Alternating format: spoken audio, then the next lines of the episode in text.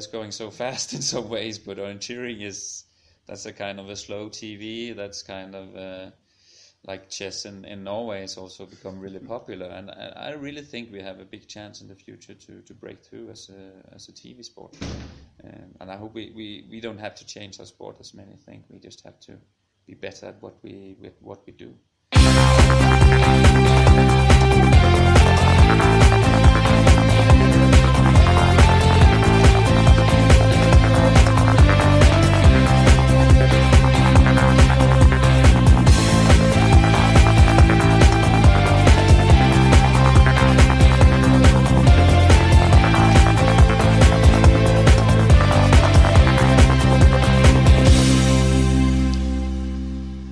Welcome to a new podcast from Radio O-Ringen. In this episode, you will meet Kenneth Buch, head coach for the Norwegian team the last three years. In this podcast, we discuss which role a head coach has, how important all the details are, small as big. For Kenneth Buch, the athletes are the most important. They are in focus. It's all about to create the best possible conditions for the athletes. In this podcast, we deal with both small and big questions. We talk about MAP standards, quarantine, and the quality of high level events all around the world. Kenneth Buch is a Dane, but he has been living now in Norway for the last 15 years. So the first question is how does he feel? Still as a Dane or more or less as a Norwegian? Uh, that's a good question. Uh, of course, you're affected uh, by the surroundings you you live in, and and uh, for sure, I I have adapted some some Norwegian, but deep inside, I, I feel Danish, and uh, I see see myself as a Danish uh, person. But since 15 years back, you are living in Norway. Have you adapted to Norwegian style, or is it the very same as the Danish style? Yeah, it's you find the same kind of people in Norway and Denmark. I believe there is some some slight differences, but but mainly the the society is built uh, in the same way, and and the the people don't differ so much. So so I don't I don't think there's much adaptations to do to Norwegian actually. So it's been easy for me at least. Uh, I want to have this discussion or this uh, talk with you, Kenneth, uh, regarding your your role as as a coach, your experience and how it is. Is it a glamorous life to be a head coach for a national team, a big national team as a Norwegian? I, I see it as a as a big privilege to work with uh, dedicated athletes or dedicated people who really want to do a job to to achieve their as they see their life goals. So in, in that way, it's glamorous, but for sure there are uh, the different sides of, of being a coach, and, and uh, sometimes it's not just uh, happy days, if you can say it like that. So, but uh, but as a, it is a privilege, and I have a lot of days where I really.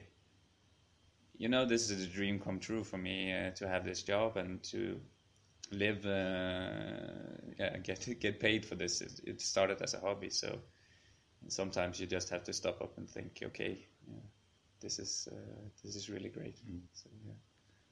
But you are an orienteer since young years, or? Yeah, yeah. I've, my parents took me when I was just uh, four or five years and uh, to to orienteering events, and then yeah, I grew up in the Danish orienteering society, and uh, uh, yeah, that's that was a natural choice for me to have orienteering in my life. Did you have any ambitions as a runner? Yeah, at least when I was I was younger, I I, I, I did quite well in the, the youth relays and the Danish championship. I was quite well, and for sure I I had ambitions, but I I didn't know I didn't understand. You had to train. So when the others at 16 started training, I got way behind, and uh, yeah, I, maybe I, I, I didn't really understand this until I got older. But that's uh, maybe that's also one of my uh, advantages as a coach that that I had to think all these things through. But but uh, yeah, I had amb- ambitions, but I never in any way succeeded them in orienteering. But I've also fell in love with uh, handball actually, Mhm. and uh, I was a goalkeeper for for for many years and had ambitions there, and it was doing quite well. But when I I moved to Norway, things changed, and uh, yeah, now it's just orienteering. That's in my life. And this move to Norway, Kenneth, was it because of volunteering and a job? No, it it wasn't. It was just uh, I needed some new environment, and uh, Mikkel Lund, you, you know, a Danish national orienteer, I called him. He lived in Oslo, and said uh, I need a break, and he said, "Oh, come to Oslo. It's great." And I moved up there just for three months actually, and I kind of fell in love with the country and the environment in Nydalen was really great, uh, and and I thought, oh, this is where I want to stay, and I always always had an interest in in studying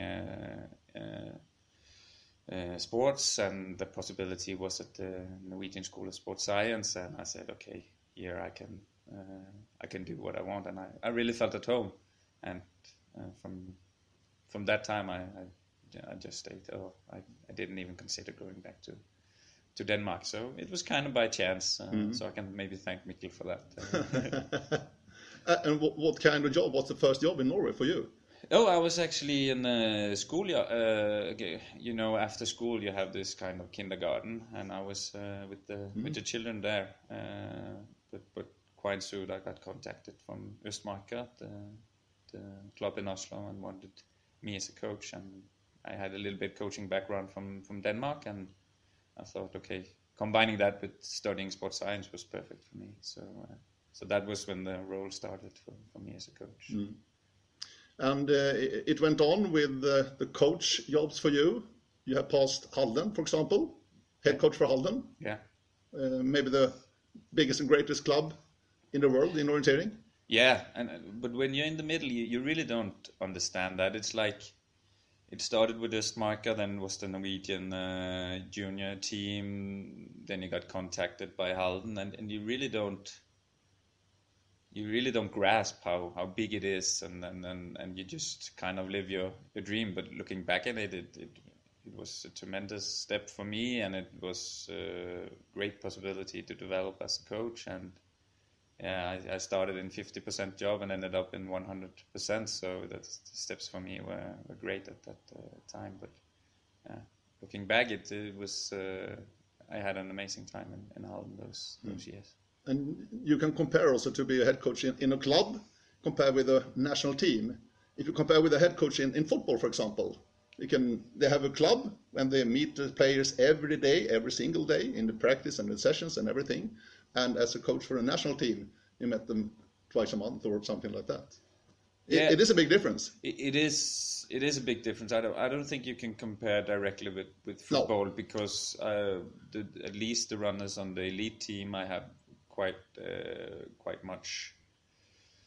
Or how do you say? I, I talk with them quite much, and I know what they do on a day to day plan. And I don't think in football the the head coaches uh, uh, like cooperate with the runners in that way. So there there is a difference, but for sure, being in Halden, seeing the runners almost every day, you can you can affect the training and the environment in, in a different way than as a national coach. What, what do you prefer?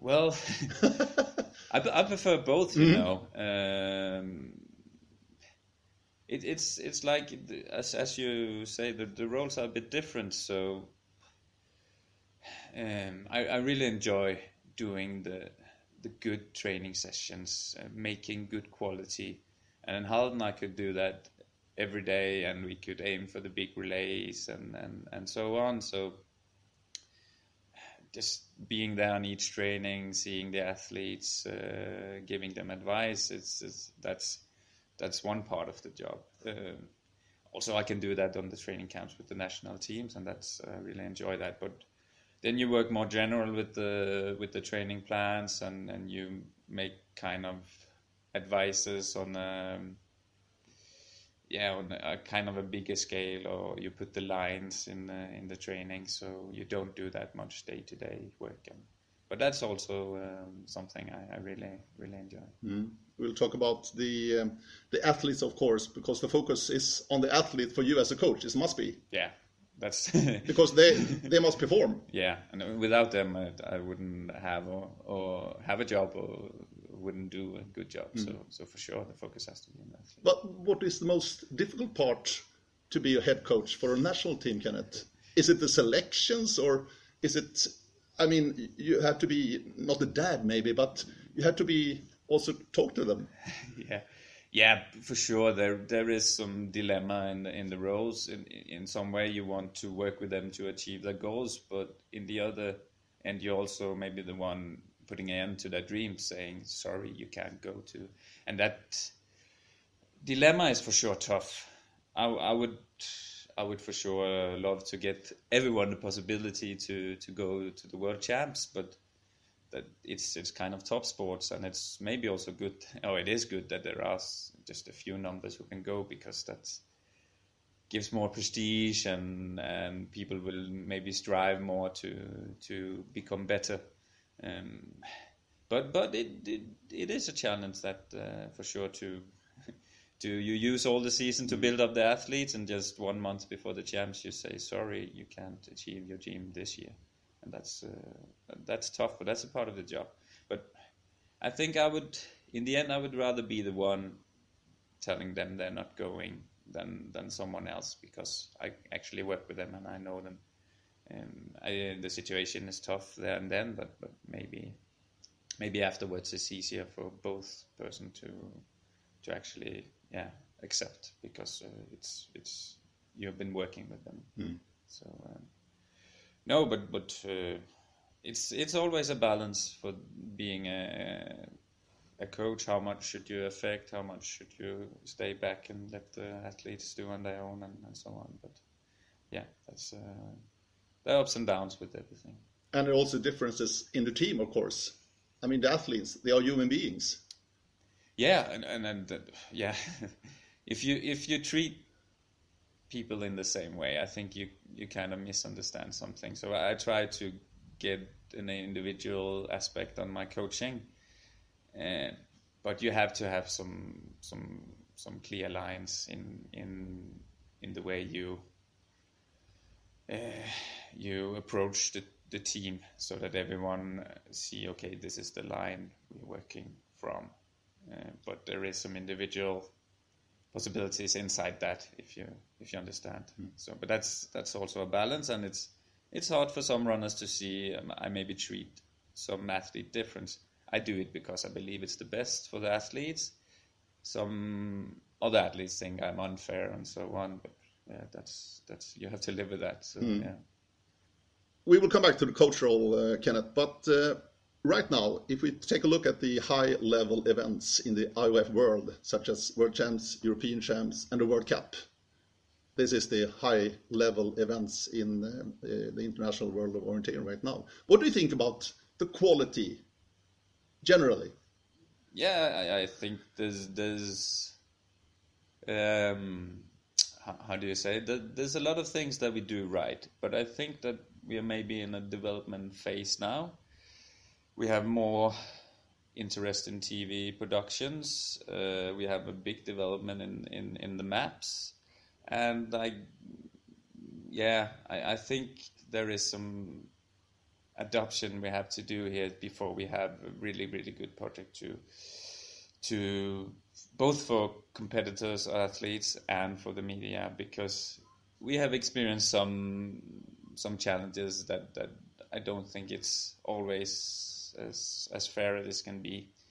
Um, for for example, the the map drawing we the later years we have had uh, a big development on the data you can get from laser data and and and so on and this means that the map drawer maybe has to think in another way and you you can put an amend enormous amount of details on the maps now, but I think for the athletes it's really hard to to read the maps and understand the maps when there's so much details. So I think we have maybe to become better to draw the maps and and, and yeah more generalize the maps more. Uh, I think that's that's a step we have to do, and I think IOF has to do a controlling job here and then have a more clear line for how, how the map should be for the international events. Do, do you think that the mappers who are doing the work out there in the forest and drawing this map, do they understand how fast they are running the top athletes in the world of orienteering? No, they they don't, and maybe they, they never will, and they will for sure. They will have to do their um, uh, how do you see the, the how they see the terrain. They will have to draw it like that. But having this amount of, of, of data that says this is exactly how it is, you kind of forget to to see the terrain and that's what the athletes see, and they see it in, in, in full speed.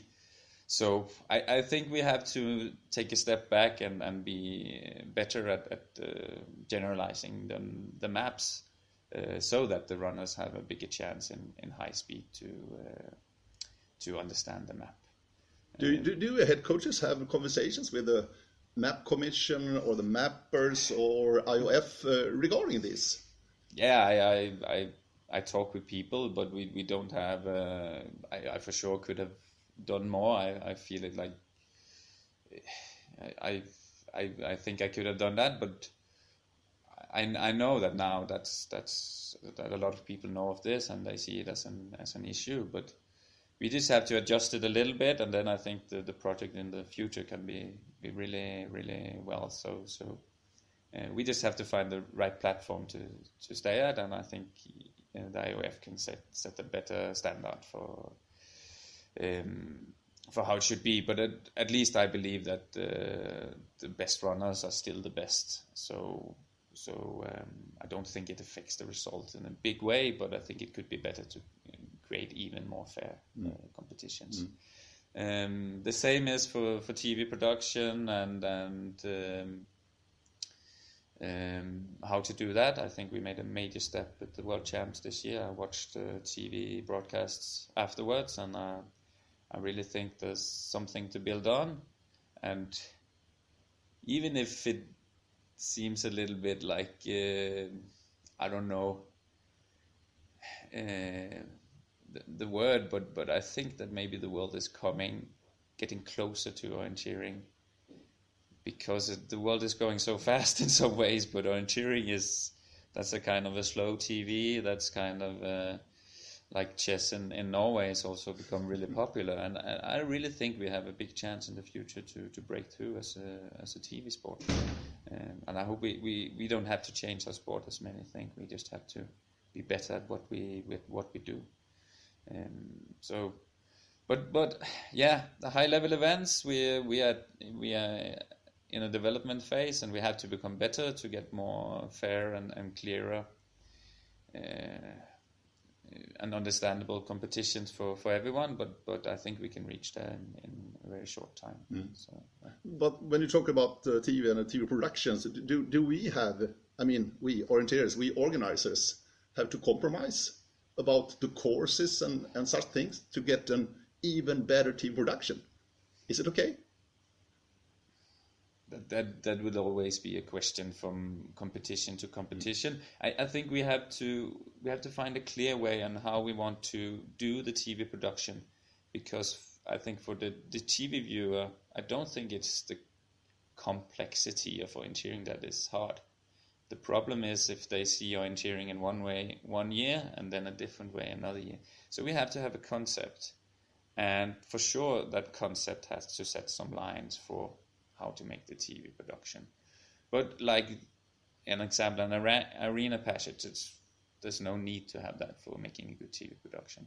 But you could pick out some terrain types where you can see the runners, follow the runners in high speed, um, make some interesting route choices where you really can make good GPS analysis like that. But but these are things that that kind of are in line with, with the way we see orienteering now. So yes, TV has to make some, some clear lines, but if we have a clear way for production, I think we can adapt uh, the way we see orienteering now to, to a concept that, mm.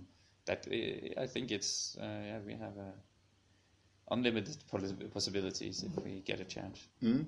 Sounds promising, I must say. Yeah, I'm, I'm optimistic, but uh, yeah, I, you have to be that. ah, of course. But on the other hand, it's also important for, for the athletes, for the runners, to be more visible to maybe make some money because they are quite poor. They are not making any money at all Mm. right now in the world of orienteering, and that's a problem. For, for, for me, it's a problem Mm. because they are putting a lot of effort and a lot of time in the training and, and preparations and everything. Mm. So it's not fair if you compare with other sports. No, but They're earning a lot of money. Yeah, it is, and and for sure you know, in orienteering we we are we are not well enough to make profiles. It in some way orienteering uh, attracts some kind of personalities that are not like Peter Northug in in Norway, and and we are maybe in some ways too kind, but but um, yeah. I, we could for sure be better at, building the profiles, but but also we have we can't change people, so we have to find the balance here, and then but for sure, getting uh, more TV uh, productions and people getting more known with, with the names that that uh, gives an, an possibility. Um, so yeah, I, I I think we have to do a little bit of everything uh, better to to um, to reach this, and, and for sure, you know, with TV and, and more profiles, also we will get uh, more more uh, better economy and more money, and uh, yeah, both coaches and uh, and athletes can can get more time to do what they really enjoy and what they really want to, to do. But let's take an example from, from Norway. Olav Lundanes, the the best man in Norway since many, many years, and Ann-Margrethe Hausken Nordberg, the best female orienteer since many years also. Are they well known in Norway, Kenneth? Um, I can say clearly that Olav is, is not well known in Norway. He in in some surroundings where people, those who are really into sports, I think they, they know Olav, and also from the region where he's from, he's he's, he's known. But uh, if you ask the man on the street who is Olav Lundanes, they will say they don't know. Uh, but Ann Margrethe has a profile in Norway for sure. She's also been in the athletes committee at the in, in the sports uh, organizations and uh, um, she's doing a good job to to get uh, publicity in the in the media um, so so she has a profile and, and I think those Olav and Anna-Margrethe differ in, in that point Uh, over the last years, my feeling, last year, maybe last four or five years, uh, I can see uh, a change in the preparations for, the national teams. Uh, quite big scale, I must say, because now you are very detailed and uh, you need to be extremely prepared for, the world champs, for example, if we take that as an example. Uh, what is it? Because you need to put a lot of time and effort in, in the preparations, Kenneth, for the national team. yeah, it is. And actually, I don't. I don't like the development. No. I re- really not.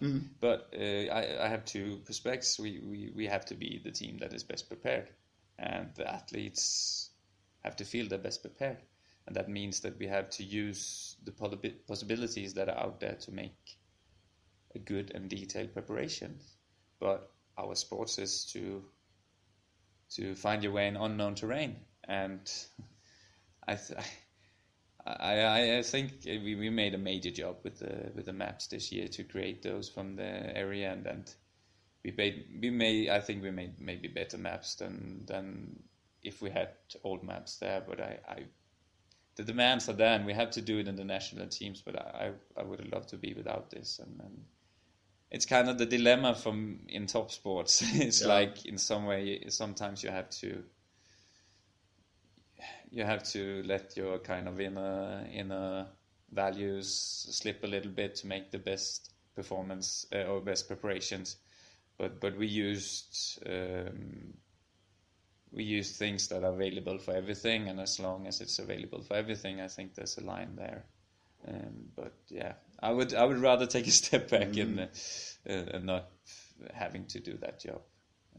But was it the right step from the WOC or- organizers in Sweden to to make these uh, lidar maps available for everybody? Yes, that's that's for sure. Everyone would get the same possibilities to prepare, and uh, uh, the day they they did it, I I was really actually pleased that they did it because I knew that the teams had the information, and, and you know for uh, for a smaller nation who don't have coaches or, or economy, they maybe they don't get that chance. So I think it was fair from the organizers, and I think it was the right choice. Um, so, but that's also something we have to consider, you know, in cheering is uh, where is the line for this? Uh, yeah, it's now I think we have a really good trust between the coaches and the teams, and I don't think anybody cheats or at least on, on purpose. But this is also maybe soon will be in a gray zone. You know, you have uh, you have these um, what do you call it? Uh, you know these small helicopters you mm-hmm. can fly with a camera oh, yeah. over the droner droners and mm. exactly so where does it go from this i would rather take a, take a step mm. back and, uh, yeah because nowadays it's not any secrets anymore no. not at all because you are making your own courses and it's quite close you know, I have my my mentor uh, Egil Johansen, who was a former world champions, and he tells me about the old days when they, you know, even in the world champs in, in Norway, they they was they didn't know where the world champs were, and they would just mm. meet up and put on a bus and, and, and go there. And the, yeah, for sure, in the, in in the technology world, we will never go there, but but it, that would have been yeah, that would have been maybe just perfect. So, yeah. uh, well, it's impossible nowadays. Yeah, it is. It is, and there's so many people involved also. So how should you keep it yeah. a secret? So I think it's it's it's good the way it is now. Yeah. But but but you yeah. cannot talk about virgin areas. No, no, no, never, never anymore, never anymore. So uh, no, the the, but that's how it is. Yeah. Um, but as I said, we we need to take the consequences of being a top sport, and we we, we need to be best prepared. That's our goal in the team, and then we, we have to do that. Yeah. Mm. Another thing with the, to be best prepared is to um, to read the bulletins. There's a lot of information in the bulletins, and it needs to be correct. Yes. Otherwise, what happens? Because you, it's your Bible in a way.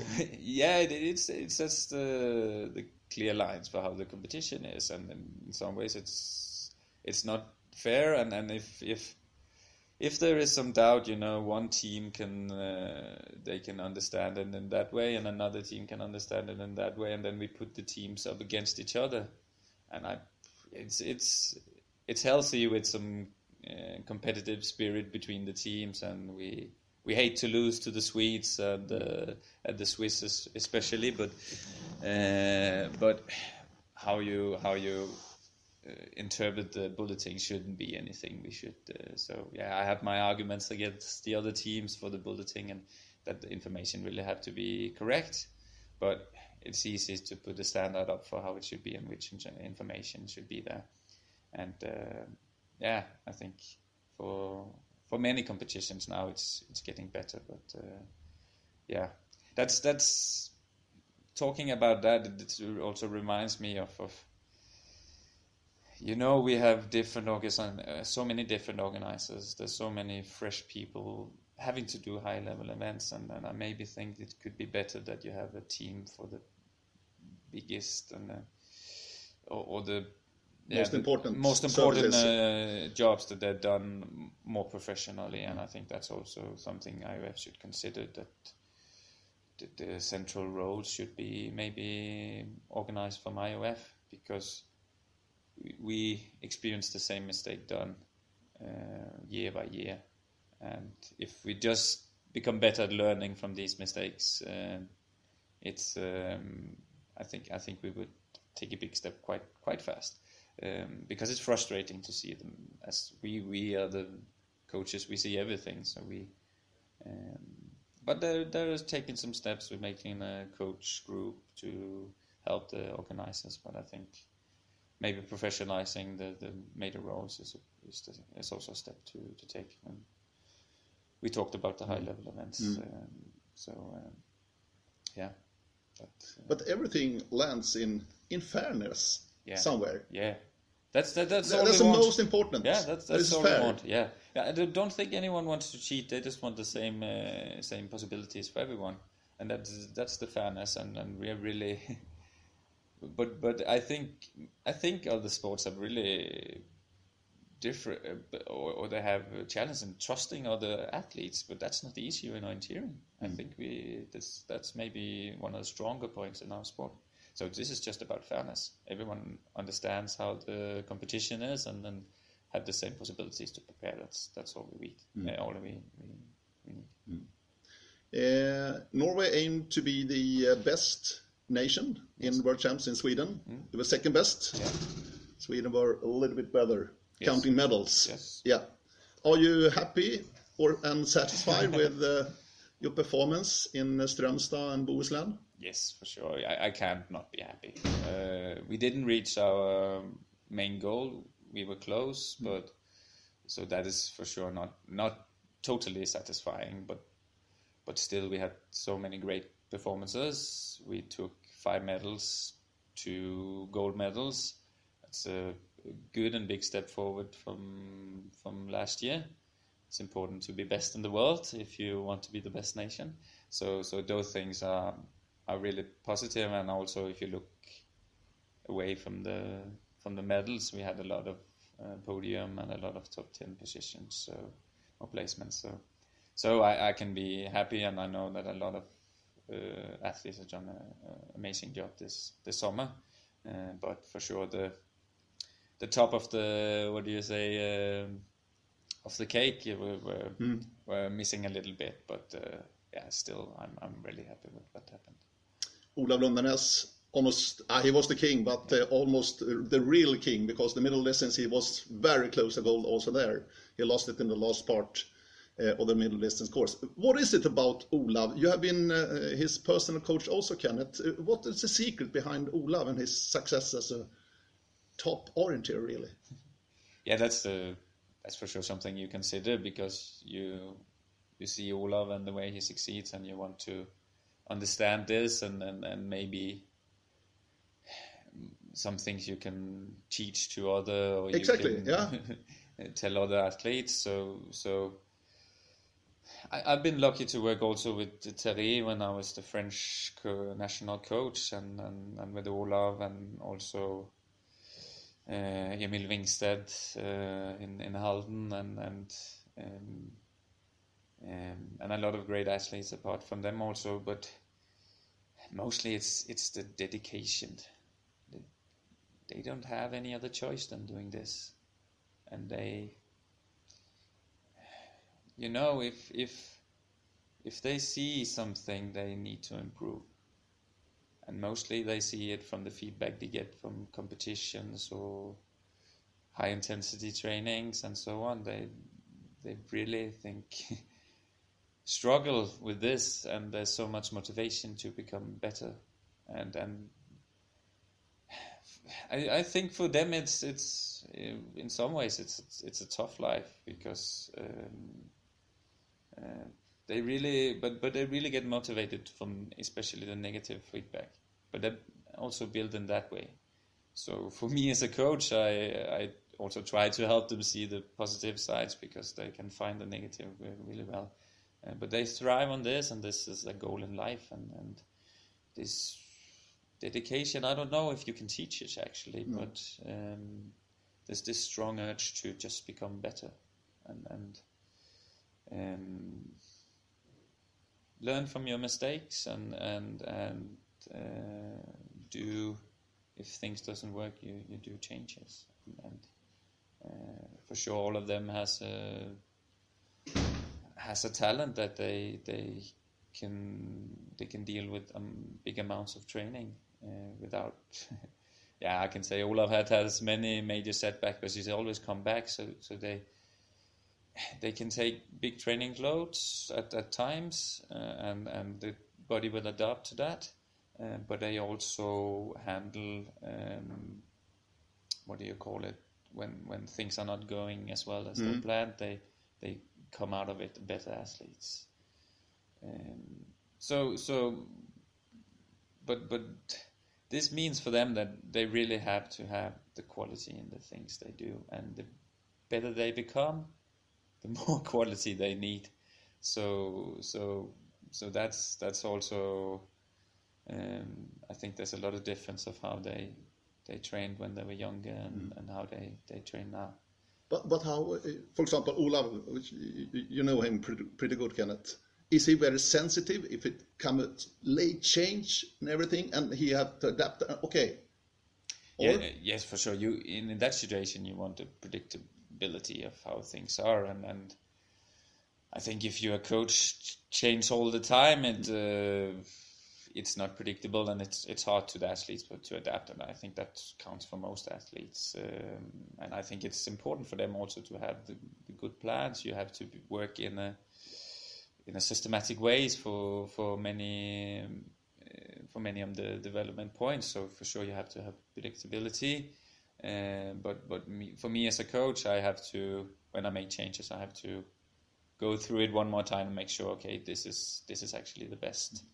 And if not, I, I try not to do uh, big changes. But especially for the training, it's it's really important that that it's at least for me that it's clear what is uh, in the training. Um, so, but of course, you never succeed that, but you, I strive to to do that, and, and I I know that yeah. Uh, it's it's uh, it is it is challenging to because all of these athletes I mentioned they have high expectations and they they should have, uh, but but I think we want the same. We want we want, I want them to be the best as they can be, and then they want to develop. So. But from your point of view, Kenneth, is it also a physical uh, difference between, uh, I mean, Olav Lundanes, Daniel Hubmann, Thierry Gueorgiou, they have dominated the long distance since eight years back. Is it a physical difference also between these three and, and the others? Yeah, I, I Are they training harder, for example? Do you think so? no maybe No? they're training smarter. Smarter, yeah. I, I think I think the amount of volume of training that, that Olav did and Terry did for sure it's in the top scale but I think we, we have we have other athletes doing that in, in, in, in Norway and also other uh, countries. For sure our philosophy is also to have a big volume so we can never kind of compare that with, with Daniel because uh, as I understood he is doing a little bit lower volume but maybe more more speed on his low sessions. But uh, but it's when you do the right volume of training it's the quality of the training that makes the difference. And these people are experienced. They learn from their mistakes they did and, and they know the key sessions but I believe that the toughest session from Olav and the toughest session from Thierry and I I don't know Daniel that well but I also think that his toughest sessions they're really tough. And I know from Emil also. And that's just not one training that's also training in concession and in the week. So maybe you can say that the, the toughest they do that's that's maybe what makes the difference uh, but that's my that's my guess from from what I can see um, but you have to be trained to do the tough and if other athletes do that without the same basic as they have they will get ill, get injured, and so on. So you have to, to you have to build to get into that position. Um, but but I think they, you know, they experienced that. How many years have have they trained systematic, thought of what they did, and and so on. And I know that that both Terry and Olav they don't do they don't register the training much more anymore. I think Terry did it this year to show others, maybe Yeah. to learn. That's a great gesture from him. So, um, but the planning, I think, you know, they they do really really good training plans uh, from the experience, from their body, and from the where the demands are. But when talking about Olav Lundanes and his goal in Sweden, the long distance, uh, this year, he, it was in the end it was a group of five runners. Uh, it was two minutes starting interval in the long distance, and quite early in the race, it was quite clear how it will end. Uh, what do you think about this long distance discipline? Because it's it's a lot of discussions, Kenneth. What's Yeah. your opinion? Yeah, um, I'm laughing a little bit because I know there's a lot of opinion opinions out there, and I I, I, don't think what happened this year was was good from the competition. Everyone wants to see who's the best, and and as the long distance is now, it's running your own race for 90 minutes, and that didn't happen. We had this forking, uh, forking, but but in my way, my thoughts, we maybe do it in a little bit wrong way. Um, so so we have to do it a little bit differently, but I don't see the argumentation for having two minutes start interval when you have like this. So we have to think about this. Um, I, do, do I, you have any solution, or? Uh, yeah, I think that uh, I think for sure we should have three minutes. That should be standard. I don't, I don't see arguments for TV productions and so on. We can just, in some way, with the technology, we can make a summarize of the first two hours with the most important, and then we can do live the last the last hour. Um, not many people want to sit there for four and a half hour. Uh, for sure, cycling and, and, chess you do that, but but yeah, uh, but I, I see I see this is this is a really really interesting discipline. It's about taking the right route choices, and it's about stamina, doing it for 70 minutes for 70 80 minutes for the women and for 90 minutes for the men this is a really test of of this and we need to have this i, I think uh, I, I, think, but but we should have more demanding route choices. And when you do a forking, you you you limit. You have shorter legs in that area and so on. So you need to to three minutes, and then you have to have a more smarter split. I think Olav described something in, in the newest Skogssport, mm. and that I think this was some some interesting aspects doing it in a denser area and with the demanding route choice afterwards. So, so that that the purpose of this area is to split the runners. That should be the main and, and maybe the the the the course setter should yeah when you're a course setter you maybe start finding the good route choices, but you should also start to look where the areas where you can split runners mm. uh, because we, we will never avoid that, that runners will will come together, and I think we should have the best in the end to make the best uh, competition. You as a speaker should also know mm. that's the most fun when you have the best in the end. So, so I don't think we change that, but three minutes and a smarter uh, splitting method. Um, so, so we we need the long distance. I I, I believe that. Uh, what's your thoughts about the new format from 2019 in Østfold in Norway the forest part of World Championships and 2020 in Denmark, and the sprint urban part. Uh, the decision was made last year in um, in Scotland. Yeah. What, what, do you think about this? I, I, actually think the World Champs as we have it now is a great championship, but I understood that this decision was was made because of um, organizer. There was a lack of organ, organizers, and in Estonia and Latvia, you had to kind of contact the the, the nations to get them to organize. And, and, if we don't have anyone organizing the world champs, then we have nothing. Mm. So uh, from that point of view, it's it's it was maybe a good decision to, to split it, and you have to split it. It's okay to split it in forest and sprint. Um, then there was only one application for 19 in Norway and just one for 20 in Denmark, and I thought, okay, yeah, at least we get mm. applications. But I, uh, as I heard from the world champs, Tom Hollowell said that actually now they have a lot of nations that are interested in future events. So, so if we su- succeed with that, that that's at least good. Um, mm.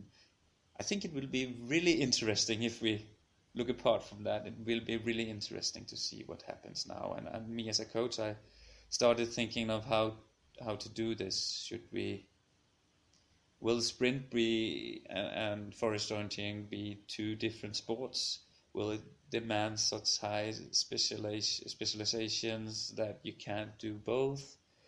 Or will it be more all athletes doing everything? I, I, I think IOF wanted to be all athletes competing every year, but I'm not sure. I also talked with Lars Lindstrøm, and, and in Denmark they I think they're setting maybe a new standard for sprint orienteering, or at least Maja. I mm-hmm. think is is doing, and, and um, I I think it's it's interesting to see if we will get two sports or we will get mm. still one sport.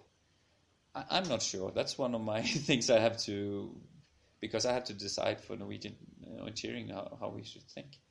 Um, in the cross country skiing, you have it almost except from Petter Northug.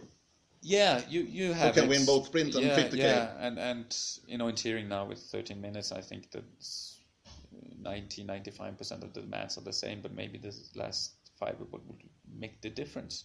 Uh, but it also has to be a new sprint discipline, and we don't know exactly how it will be. Um, so I, I think it's interesting time, and, and seen from a view of a coach, it's interesting to uh, see how we should think.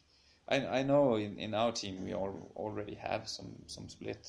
Uh, also, in my perspective, it is at least from a year base, you really have to do a dedicated job for, for the distance, and, and we saw this this year with the world champs in Sweden. Tough physical terrain, you have to lift your knees mm-hmm. and, and so on. And from from a perspective for one year training, it I don't I think it's hard to do do both. I know some athletes succeed in that, but we, we split it up and, and, and said, okay, at least we will have the best best at what they do and uh, I don't know if if that's why we had the, we had the the team effort we had in the in the forest disciplines, but but at least we you also see Ola, Magne, and Carl they don't do much sprint training and and and, and so on. There are different reasons for that, but yeah. I, And Tove is also a good example. She skipped the sprint both Yeah. European champs and uh, in the world champs.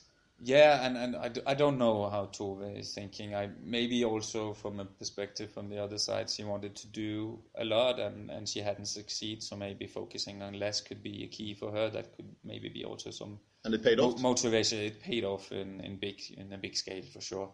Uh, so that was a, a really wise choice from from Tove and her support uh, team there. So so that was wise. But yeah, we, we will see. It's it's it's interesting. So. Um, But about the international calendar uh, in general, because also the European champs will be a new formula Yeah. and, and match these world champs every year. yeah. And and the World Cup in a new costume also in the future.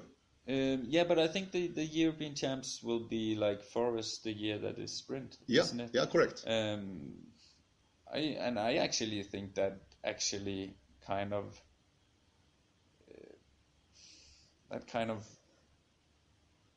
gives me more reason to think that that that it could be a split because athletes being really good first athlete they will aim on European champs this year and make that their biggest The biggest, yeah. biggest event this year and the sprinters will do the sprint so I actually thought it should be the same each year so it'd be sprint European champs and sprint world champs you could prepare for, So for both sprint year. sprint year but I uh, yeah maybe I was not clear enough in my uh, opinion there, but that's uh, that's how it is. So uh, I I'm not sure how it will be. I uh, and I'm I'm not sure what I hope it will be uh, actually. So, but it it will be a change, and we, and we will see some some some thoughts uh, on that for the next years. Um, uh, yeah. So it, it's it's it's interesting. Maybe a chance also for Norway to uh, make some success in the sprint discipline, Kenneth, because um, in the world champs there's been not that many medals since 2001. No. I've been counting them. it's only four medals, Yes. All female. all female. Yeah, and- no men have won a medal in the sprint discipline in the world champs No. and a Norwegian. How come? Why is that? Why is that? Yeah, you know, I, I, I, would, I would love to give you a clear answer because then we would have done it. Yeah. That's at least what I, I think. Um, I, I think there is for sure something cultural in, in, in Norway, and, and it is a lot of traditions in Nor- Norwegian orienteering, and, and maybe also the way Norwe- Norwegians think. You know, they were the last to go from wooden skis to uh, the carbon fiber or the fiber ski uh, skis in, in, in cross country, and I cross country skiing. I think there's maybe a parallel there. We we don't like the the No. changes, you know. So maybe there was a small adaptation problem there, uh, and we also we we want to be the best nation, but I also see our best athletes want to aim for the forest disciplines, and as, I just spoke about in some world championships, there is some different on the demands. So this also means that it is in some way the second best that I'm aiming for the sprint. But I think we should be a, we have that many talents that we should be such a good nation that it shouldn't be a challenge. Um, so culturally, I think there's something. I also think that it's also our in in the situation we are now. It's the second best that that aims for this. There's a little bit change now coming. Um, with younger athletes, we see uh, Håkon Jarvis Westergård did the top six. We see Eskil Kinneberg winning the Swedish Championship sprint, and last year we got the silver in the in the sprint relay. So, um, so so I see changes, and then the young ones coming up having maybe a, a different uh, a different view of the sprint orienteering. But from your position, Kenneth, is it the same resources for the sprint orienteers as for the forest orienteers in in in Norway? No, because we we kind of aim for the best, and then in that way there is a limitation there. Uh, the best thing we could do is to have an individual medal because then everything would be put up against uh, put up against that. So so no, the in in the way that the sprint are the second best, they will get the resources and the focus as the as the second best. So there's there is a bit difference there, but but training is in many ways free. So uh, and we have limited resources. Um, so so I don't think that has to be a big big uh, issue actually, but it's maybe a little bit also affecting the the culture in, in, in some way. But uh, I think we do a good job. We have Emil Wingstedt as the sprint coach, and I don't see many other persons knowing sprint orienteering no. better than him. So it's hard to put a finger on that. And and, and then, then the last thing I wanted to say is also that we talked a little about map drawing, and there is still some unfairness in the sprint map, and, and uh, we have to to also be sure that sprint is a more fair competition when, when it is clear for the runner, and I don't have to take a risk on uh, on doing something illegal. Uh, that has to be clearer at, at some points. Um, so so I would love to give you the, the clear answer on why, but it is a frustration for me and it is a frustration from the Norwegian orienteering. But our goal is clear. We want to be the best nations, and for doing that, uh, especially in the next two years, we need to get sprint medals, and, and that's an aim for us. But is it a discussion in Norwegian orienteering about this sprint and, and no success in the World Champs? No, not that much. Yeah, it, it, yeah, it is, but it's it's hard to me to answer for sure. Everyone everyone sees the problem and everyone has an opinion and and and and so on. But yeah, really, we, we, we probably struggle to find a clear answer on on on how to how to do it. We have um, we have some physically tough terrains, and the runners do technical training with low speed when they lift their knees. We are now in Switzerland here, and we see that the, the they will train in another way when they do technical training and, and so on. So there is some differences there, but at least I don't think Margrethe has, has succeeded in her sprint, yeah. and, and uh, yeah, we also have young uh, athletes winning JWOC and, and so on. So yeah, I don't I don't want to just sit and wait for the stars to come. We we try to do a, a good job, but we haven't figured it out yet. Mm. If we had figured it out, I think we would have the had had the medals. Mm. So um, yeah, that's that's a part of my job, and then part of the frustration. That's that's uh, yeah, that's that's now and then. Mm. Uh, one last question now, uh, Kenneth. We are meeting here in Aarau in Switzerland at World Cup Finals. Uh, next year, World Champs in Estonia. How much work are you doing already now for, for the next year and the planning and, uh, and everything for, for the national team? A lot. A lot. Yeah. It is. Oh, yeah. okay. No, so for sure we did we did a lot of of training and uh, before uh, Strömstad, uh, maybe even too much because we, we knew the terrain type and so on. But it was quite close. Also. It was quite close, and that, that made that it was easy. But but for Estonia, it's it's a terrain we we have to do a uh, tremendous job to to master. At least I think so. So we had to have more more training camps and, and more focus on it on home ground and, and different from from Strömstad. You could find home ground terrains that was really similar. Mm. Now you have to really do a good job in, in your training planning to to to, to take the steps to really be able to perform um, in, in Estonia. So so we we need to be better uh, next year uh, for for preparation. And also we see some some athletes stopping their career, and then we need to uh, have new have a new team. Uh, so so uh, that's also something we are working with on how the structure should be on the national team and how we how we how our thoughts are there. So there's a lot of job going uh, going in my mind now. Mm-hmm. So uh, but for sure I try to focus here on. What, what part do you like most? The planning part, or to be out here on the competitions, to be the coach, and or is it a mixture? It's a mixture. Yeah. You know, um, when I was younger, it's it was for sure working with the athletes and doing being on site on the trainings, as we talked about. I did in Halden, and you know the day-to-day job with uh, Olav and Magne and all the those, and and also I thought that I had a big effect on them in their younger years, and it's in some ways easier to affect the the um, the younger athletes. Now it's more like this the scheme is set for how they do the training, so it's just small adjustments, and you can easily easily like guide them in their way. Um, so, but but I really I really enjoy doing the planning and everything, and that's also a part of being the national team coaches that you have to do mm. this. But uh, I, I in this these days I should love that the days had more hours than it had now. But uh, yeah, but I enjoy the competitions and and being here.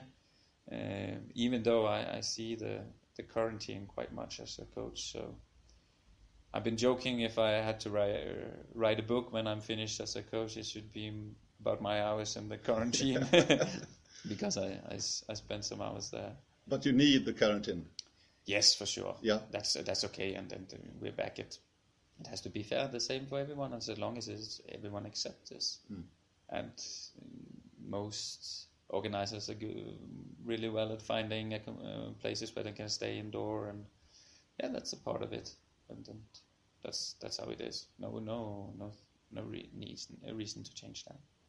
So, uh, so that's uh, yeah. Right now, it's a so it's, it's a mixture of everything, and I, I enjoy this. Uh, uh, but yeah, I, I wouldn't be without the camps for the for the national teams. That's uh, that's something I enjoy. Mm. Thank you, Kenneth Buch, to be my guest here on the Radio O-ringen podcast. Yeah, it was a it was a nice session, and I hope the the listeners uh, enjoyed what I. I'm pretty sure about that. Pretty sure about that. Any comments, ideas, uh, dream guests? Please uh, write the mail to radio at oringen.se. Thank you very much and goodbye.